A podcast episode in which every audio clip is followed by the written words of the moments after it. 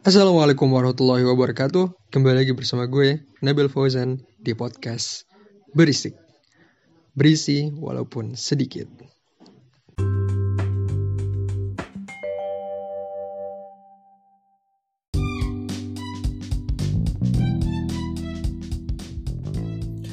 Mungkin awalnya gue kenalan dulu kali ya.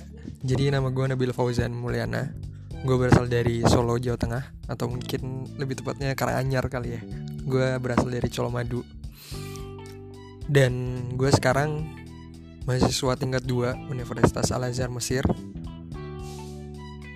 Fakultas Usuluddin Dan gue belum penjurusan karena nanti penjurusan tingkat 3 Dan gue masih belajar umum gitu Jadi gue belajar tentang akidah, belajar tentang hadis, belajar tentang tafsir kayak gitu sampai ada juga dakwah. Karena nanti di penjurusan nanti ada empat jurusan yang bisa dipilih yaitu akidah dan filsafat hadis dan ulumnya dan ilmunya tafsir dan ilmunya dan juga ada dakwah. Nah jadi awal mula kenapa gue mau bikin podcast adalah gue ngerasa kayak di Mesir tuh terutama orang-orang Indonesia yang ada di Mesir itu belum ada satupun yang bikin podcast ngartiku kecuali ada satu kakak tingkat aku namanya Bang Yusuf Ibrahim dan dia sekarang udah pulang gitu kan. Jadi gue ngerasa kayak ya udahlah gue gue bikin podcast kali ya gitu. Untuk podcastnya sendiri itu gue pernah ide podcast ini gue pernah ajuin juga ke PPMI atau Persatuan Pelajar Mahasiswa Indonesia yang ada di Mesir aku udah ngajuin ini ke mereka karena mereka punya alat yang bagus gitu kan. Gue ujuin aja. Jadi waktu itu ada lomba radio gitu terus gue ikut kan. Terus habis itu gue ngusulin kalau misalkan gimana kalau misalkan radionya diganti aja sama podcast gue gituin. Soalnya radio pun yang dengar tuh dari ribuan mahasiswa yang ada di sini tuh paling cuma 12 atau 13 orang yang dengar kayak gitu. Itu menurut data yang gue dapat dari teman gue yang ada di yang juga berkarya di sana kayak gitu. Tapi itu ternyata sarannya belum diambil sama mereka. Ya udah akhirnya gue ngerasa ya udah gue gue bikin sendiri aja lah kayak gitu. Dan akhirnya ya udah ini gue bikin. Dan untuk temanya sendiri kenapa gue bikin namanya berisik? Karena gue ngerasa kayak gue pengen podcast ini tuh berisi. Dan gue emang berisik sih. Maksudnya berisi tetap meskipun sedikit tuh maksudnya adalah gue pengen nge-share aja gitu pengalaman gue terus habis itu pengen nge-share apa yang gue baca kayak gitu buat orang-orang yang dengerin podcast ini kayak gitu. Nah terus kenapa gue pas, pas jadi pas untuk pertama kali ini untuk pertama kali gue bikin podcast ini gue pengen ngebahas buku. Jadi gue ngerasa kayak di luar nggak ngerti sih gue yang gue udah pernah dengerin gitu. Nggak ada belum ada podcast yang ngebahas buku gitu. Jadi buku terus gue ambil intisarinya terus gue omongin di podcast kayak gitu. Jadi untuk kali ini gue nemu buku namanya Syubhat Haul Al-Quran atau keraguan-keraguan di dalam Al-Quran kayak gitu. Seputar Al-Quran. Nah Syubhat Al-Quran ini bukunya gue gue temuin di International Book Fair yang tahun lalu. Jadi gue lagi jalan-jalan gitu sebenarnya gue nggak ngerti mau beli buku apa karena gue belum tahu harus beli buku apa. Terus akhirnya gue kayak nemu di jalanan gitu. Atau di salah satu stand nggak maksudnya masa di jalanan kan. Di salah satu stand gue nemu kayak menarik nih buku gitu. Terus gue buka dikit kan dia karena kalau nggak ada nggak ada plastiknya. Jadi di Mesir tuh jarang kalau ada buka ada plastiknya gitu.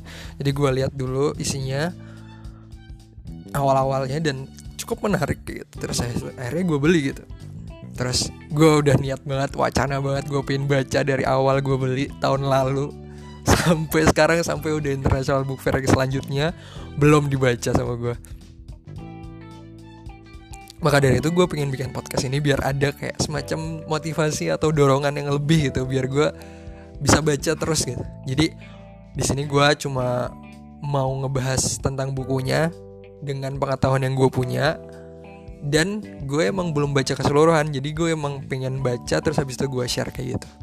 Dan kalau misalkan lo semuanya nemuin ada kesalahan dalam penjelasan gue gue open banget biar buat lo semuanya buat ngobong sama gue dan diskusi bareng kayak gitu.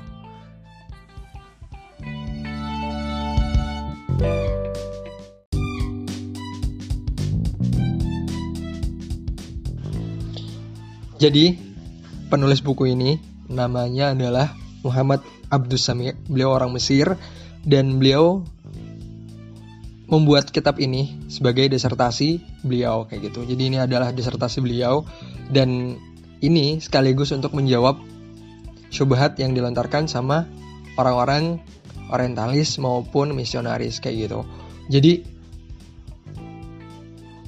di setiap masanya umat Islam tuh selalu pasti menemukan banyak orang-orang yang melontarkan syubhat kepada kita gitu, kepada agama kita, kepada uh, Rasul kita. Dan yang paling sering diserang adalah Al-Quran gitu. Karena yang yang paling terlihat sekarang itu adalah Al-Quran gitu. Dan ada dalil-dalil yang kita ambil kan juga dari Al-Quran gitu. Jadi mereka tuh kayak semacam membuat Al-Quran itu seenggak relevan mungkin gitu. Jadi biar orang-orang tuh ragu akan keaslian Al-Quran ini kayak gitu Padahal Allah Subhanahu wa taala itu sudah berfirman di dalam Al-Qur'an, "Inna nahnu nazzalna dzikra wa inna lahu lahafizun." gitu kan. Jadi Allah itu menurunkan dzikra, dzikra itu bisa jadi Al-Qur'an, bisa jadi As-Sunnah. Jadi dan Allah akan menjaganya gitu. Jadi Allah sendiri yang menjaganya. Lalu kenapa terusan yang menjaganya tuh nggak Allah sendiri? Misalkan Allah pengen uh, orang-orang yang membuat syubhat ini terus habis itu Allah langsung matikan dengan keadaan hina gitu. Atau misalkan Allah langsung azab kayak gitu. Nggak Allah nggak pengen kayak gitu.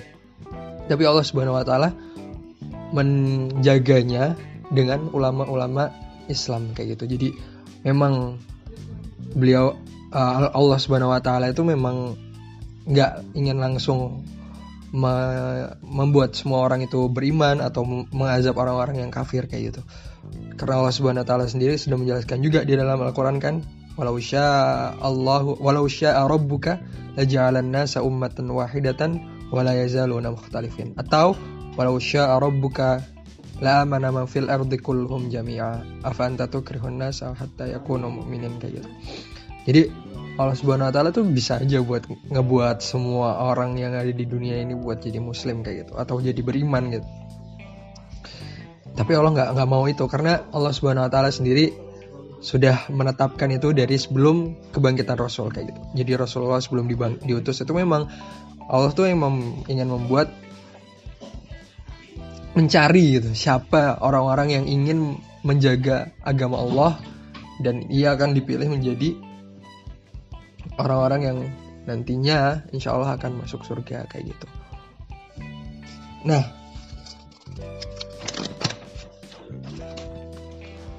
langsung ya mungkin langsung masuk aja. Kayak misalkan contohnya nih di zamannya Abu Bakar dulu tuh kayak ada sekelompok orang yang setelahnya wafat Rasulullah tuh langsung murtad kayak gitu keluar dari Islam. Terus habis itu bilang kalau misalkan zakat itu cuma wajib pas ada Rasulullah aja kayak gitu dan ini sama sekali nggak benar kan karena itu udah ada ternas atau tertulis di dalam Al-Quran bahwa zakat itu adalah wajib kayak gitu. Dan sunnah seperti juga menjelaskan kewajiban untuk berzakat. Maka dari bahkan dari itu di masa itu siapa yang menjawab syubhat itu? Ya Abu Bakar kayak gitu. Lalu pada masa-masa selanjutnya sampai sekarang yang paling muncul terlihat itu mulai dari yang kontemporer. Jadi kan masa ke masa kan beda-beda kan. Nah untuk yang sekarang-sekarang ini yang kontemporer mulai 1800-an itu ada. Ada banyak banyak orang gitu atau sekelompok orang gitu yang selalu membuat syubhat gitu. Jadi kalau zaman dulu dari dari zaman yang kontemporer ini selalu dari dulu sampai zaman kontemporer ini selalu orang-orang tuh kayak anonim gitu sebenarnya yang yang melontarkan syubhat-syubhat ini tuh selalu anonim kayak gitu. Jadi mereka nggak mengatasnamakan nama tapi biasanya adalah sekelompok orang kayak gitu. Karena mereka nggak berani sebenarnya kayak gitu. Dan mereka membuat buku kalau waktu zaman yang awal-awal itu 1800-an itu ada namanya Mizanul Haq. Dan ini kayak buku pertama buku kontemporer pertama yang dicetak atau ditulis yang membahas tentang uh, Al-Quran gitu jadi membahas Al-Quran tapi dari segi yang buruk-buruknya gitu nah pada zaman itu banyak sekali uh, masyaikh yang menjawab buku-buku tersebut. Salah satunya adalah Syekh Al-Hindi. Nah, beliau menuliskan Izharul Haq. Jadi, kalau zaman dulu tuh kalau misalkan ada orang yang bikin buku kita balasnya pakai buku gitu kalau zaman dulu gitu kan tapi kalau yang di sekarang emang udah berubah kan zamannya mungkin kalau misalkan dicontohin sekarang kayak perang thread gitulah di Twitter. Jadi misalkan nih kesalahan Al-Quran pada zaman kontemporer. A thread kayak gitu. Tapi yang bikin akun anon anon gitu anonymous gitu. Nah terus habis itu dibalas sama uh, apa namanya dibalas sama masyaih gitu. Misalkan Ustadz Salim atau misalkan Syekh Isal Sorowi kayak gitu. Jadi orang-orang tuh uh, nyerang-nyerang doang tapi pakai anonim gitu. Tapi nanti yang balas adalah masyaih-masyaih yang kibar gitu yang yang besar. Masyaih-masyaih yang sudah berilmu kayak gitu. Nah Idharul Haq sendiri buku Idharul Haq yang men, yang membalas Mizanul Haq ini punya balas tandingannya lagi atau dibalas lagi gitu. Namanya kitab Al Hidayah. Nah, kitab Al Hidayah ini jadi induk atau cikal bakal buku atau penyerangan syubhat-syubhat kepada orang-orang muslim pada masa selanjutnya kayak gitu. Maka dari itu Al-Hidayah ini, kitab Al-Hidayah ini itu alhamdulillahnya banyak yang menyerang juga, maksudnya banyak yang mengcounter juga kayak gitu. Salah satunya yang paling terkenal adalah Syekh Muhibbuddin Al-Khatib. Beliau adalah uh, dari Damaskus, beliau Damas dari Damaskus dan beliau akhirnya pindah ke Mesir untuk belajar dan juga akhirnya beliau menuliskan kitab untuk menjawab Al-Hidayah namanya nama kitabnya Al-Ghoroh ala Alamil Islam gitu. Atau infansi terhadap alam Islam gitu. Dalam kepada dunia Islam kayak gitu. Selain beliau ada juga beberapa orang atau beberapa masyayikh yang menjawab kitab ahli dayah ini karena sangat sangat sangat berbahaya. Ada dua orang lagi yaitu salah satunya Jawadul Jawad Al-Bali Al-Balaghi dengan kitab Al-Huda ila Dinil Mustafa dan juga Syekh Rashid Ridho dengan kitab Syubhatin Nasara wa Hujjajil Islam kayak gitu. Jadi syubhat yang dilontarkan tuh benar-benar mengerikan gitu. Maka dari maka dari itu harus dijawab sama banyak sekali ulama kayak gitu untuk meluruskan gitu kan untuk meluruskan apa yang sebenarnya terkandung di dalam Al-Quran kayak gitu. Nah masa berlanjut terus habis itu kitab Halidayah ini punya anakan gitu lah kayak punya versi terbarunya. Nah versi terbarunya ini namanya Halil Quran Maksum atau yang bahasa Indonesia misal artinya adalah apakah Al-Quran itu benar-benar maksum maksum itu terbebas dari kesalahan kayak gitu. Jadi lebih kompleks pembahasannya mulai dari geografi terus habis itu pemikiran dan kayak gitu-gitu semuanya dibahas dipertanyakan. Bentuk bukunya tuh lebih ke pertanyaan-pertanyaan gitu. Jadi beliau jadi bukan beliau dia yang nulis buku Halil Quran Maksum ini gitu. Itu mencatutkan uh, tafsir gitu. Jadi beliau nulis uh, apa namanya pernyataannya dia menulis pernyataannya habis itu ditambahin kayak misalkan ini dari tafsir Bedawi seperti ini seperti ini. Seolah-olah dia itu memang benar kayak gitu. Nah penulisnya namanya tuh Abdullah Abdul Fadi. Jadi ini tuh salah satu yang beliau komentari dari dari penulisnya saja. Jadi yang dikomentarin sama Syekh Dr. Muhammad Muhammad Abdul Sami itu adalah penulisnya itu nggak jelas gitu. Jadi namanya tuh Abdullah Abdul Fadi. Abdullah tuh nama orang Islam kan. Nah, Abdul Fadi itu kalau di sini di dunia Arab nama Abdul Fadi itu biasanya digunakan oleh orang Nasrani gitu. Jadi ini orang pengen memperlihatkan bahwa yang nulis tuh orang Islam dengan kata-kata Abdullah. Tapi terus di nama selanjutnya Abdul Fadi gitu. Jadi ini kayak sebenarnya tuh adalah fiktif gitu. Kalau katanya Syekh uh, Dr. Muhammad Abdul Sami di dalam kitabnya itu, jadi orang ini tuh sebenarnya kayaknya nggak ada gitu. Kemungkinan besar orang ini tuh nggak ada gitu. Jadi ini cuma fiktif aja buat dibikin kayak menggiring kalau misalkan emang buku ini ditulis oleh orang Islam kayak gitu. Padahal itu sendiri kemungkinan besar adalah ditulis oleh orang-orang misionaris dan juga orang-orang orientalis kayak gitu. Nah, uh, jadi ada beberapa sumber dari Halil Quran Maksum ini. Jadi buku itu punya beberapa sumber utama gitu kan. Jadi salah satunya yang pertama itu adalah Hamidi. Hamidi ini adalah orang Suriah gitu. Orang Suriah yang ketika teruntuhnya ketika runtuhnya Utsman apa khilafah Utsmaniyah itu berada di Turki. Jadi dia tuh tinggal di Turki gitu. Orang tuanya, bapaknya itu adalah seorang syekh gitu, pengajar. Tapi dia di Turki ketemu sama misionaris dan dia suka gitu sama misionarisnya itu. Maksudnya dia tuh senang bergaul sama dia dan akhirnya menjadi orang Nasrani kayak gitu. Dia menjadi orang Nasrani.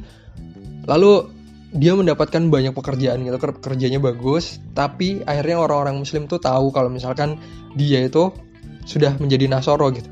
Lalu akhirnya dia diberhentikan dari tugasnya dari pekerjaannya lalu sama misionarisnya itu disuruh pergi ke Mesir.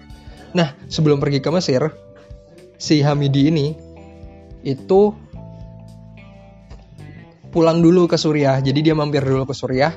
Terus kenapa? Buat apa? Buat ngambil warisannya dia dari bapaknya. Bapaknya tuh lagi sakit keras. Terus habis itu dia ngambil warisannya. Terus habis itu dia pergi ke Mesir. Nah di Mesir ini beliau dia awalnya itu diterima lah sama masyarakat gitu. Dibilang kalau misalkan dia ini orang terkemuka, pemuka agama Kristen yang sangat baik kayak gitu. Terus habis itu lama kelamaan dia punya nama.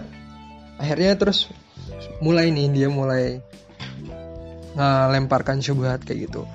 Jadi dia bilang kalau misalkan tasawuf itu cuma khayalan. Terus habis itu dia juga menemukan katanya menemukan banyak keanehan di dalam Al-Quran. Katanya banyak pengulangan yang nggak perlu terus habis itu ada yang terlalu singkat sehingga dirasa kurang. Dan juga katanya Al-Quran itu nggak cocok sama realita dan juga nggak nyambung antar ayatnya. Dan juga dia menyalahkan balaghah seperti itu. Jadi syubhat-syubhat yang dari Hamidi ini diambil untuk dimasukkan ke eh, namanya kitab itu Halil Quran Al Maksum kayak gitu. Selain dari Hamidi, referensi keduanya itu adalah surat. Jadi ada surat berjudul Al Akhto Al Ilahiyah lil Quran Al Karim atau kesalahan ilahi pada Al Quran. Jadi surat ini adalah surat terbuka buat Syekhul Azhar Syekh Mutawalli Asy'arawi, salah satu mufasir yang terkenal di, di Mesir. Jadi kalau misalkan kamu ke Mesir, kalian ke Mesir, kalau sekali itu jalan-jalan gitu. Terus habis itu naik tramko, naik tram, naik tramko itu apa ya? Angkot, kalau misalnya naik angkot, itu pasti sering banget bakal nemuin di angkotnya itu ada foto Syekh Maksarawi, Mak Syekh Sya'rawi kayak gitu. Nah, beliau ini salah satu ikon ikonik juga di Mesir dan beliau akhirnya sampai ke suratnya ke beliau terus habis itu suratnya itu dikasihin ke Majma' Buhus atau yang kita sebut mungkin kalau bahasa Indonesia-nya itu semacam penelitian gitu, penelitian Al-Qur'an. Jadi di Mesir ini ada salah satu lembaga penelitian Al-Qur'an kayak gitu. Dikirimkanlah ke sana. Nah, habis itu ada tim yang membuat jawaban atas syubhat-syubhat yang dilemparkan itu. Salah satunya Dr. Abdul Aziz Ghanim, ada Muhammad Jamaluddin Al-Afandi dan Dr. Muhammad Ibrahim Jamil Badran. Nah, dari tiga orang ini akhirnya dicetak buku kecil sekitar 190 halaman jawaban dari 26 dari 26 soal syubhat yang yang dilontarkan seputar bahasa, seputar kisah yang di ayat-ayat Al-Qur'an ayat-ayat setan itu atau koronin dan juga tentang tenggelamnya Firaun. Kayak gitu. Dan ada ada referensi yang ketiga yaitu adalah surat dari yayasan misionaris. Jadi uh, ada yayasan misionaris gitu namanya Paus Putih atau Bapak Putih. Kalau di bahasa Arabnya Al Ab Al Bait gitu. Jadi yayasan ini mengirimkan surat ke Persatuan Masjid kalau nggak salah. Jadi dia ada persatuan masjid yang ada di Eropa, yang ada di Madrid di di, di Madrid. Jadi ngomong Real Madrid kan. Maksudnya di Madrid di Spanyol. Nah, surat ini itu isinya juga tentang syubhat gitu. Jadi mempertanyakan tentang pikir pemikiran tentang akidah dan juga tentang kesetaraan yang selalu dibawa sama orang-orang barat gitu kan. Nah ini dikirimkan ke Persatuan Masjid, lalu Persatuan Masjid itu ngirimin ke salah satu masyaikh yang ada di Saudi. Namanya adalah Dr. Abdurrahman Hasan Hanbakah Al-Maidani. Beliau itu salah satu dosen di Fakultas Dakwah dan juga Usuluddin Universitas Umul, Umul Qura. Nah, beliau menjawab buku itu dan akhirnya ditulis menjadi buku juga yaitu Ajwibah Anil Asilah. Uh, jadi jawaban dari pertanyaan-pertanyaan yang dikirimkan sama orang-orang yang dari muasasah itu atau yayasan paus putih atau bapak putih gitu. Dan itu dicetak dan disebarluaskan oleh Darul Kolam kayak gitu. Nah dari keempat referensi itu akhirnya dijadikan buku Halil Quran Maksum dan kalian bisa banget baca itu di internet gitu. Jadi kalian tinggal nge-search aja Halil Quran Maksum karena dia tersebar luas kayak gitu. Dan ini cukup menjadi sorotan bagi kita gitu kan. Kenapa kok bisa orang-orang itu membahas tentang Al-Quran sedangkan kita sendiri nggak tahu juga gitu. Jangan-jangan bisa jadi kita bisa terpengaruh sama perkataan mereka kayak gitu. Makanya itu aku insya Allah untuk ke depannya bakal bahas buku ini yaitu Syubhat Haul Al-Quran ini yang punyanya Dr. Muhammad Abdus Sami yang insya Allah akan menjawab atau mengcounter perkataan-perkataan yang ada di kitab Halil Quran Maksum itu kayak gitu. Jadi aku juga aku sendiri sebenarnya belum baca sampai selesai bukunya tapi kenapa aku bikin podcast ini jadi aku emang sengaja biar emang apa ya biar aku tuh belajar gitu jadi aku tuh orang yang atau aku tuh kayak orang yang emang kalau nggak dipaksa atau nggak terpaksa atau nggak ada tuntutan kalau mau belajar tuh kadang agak susah kayak gitu. Jadi akhirnya aku membuat alternatif buat diriku sendiri dan sekalian juga mungkin teman-teman ada yang mau dengerin itu tentang ngebahas buku ini kayak gitu. Jadi insya Allah aku bakal nyiapin setiap minggunya buat satu syubhat yang dijawab sama Syekh ini atau Dr. Muhammad Abdus Sami di kitabnya dan juga nanti kalau misalkan ada yang salah dari aku bisa banget kita buat diskusi kayak gitu. Jadi emang aku pengen belajar bareng-bareng sama teman-teman semua. Dan ini adalah salah satu wacanaku proyek pribadiku di Kairo. Dan semoga bisa bermanfaat buat teman-teman semuanya. Terima kasih buat yang udah dengerin.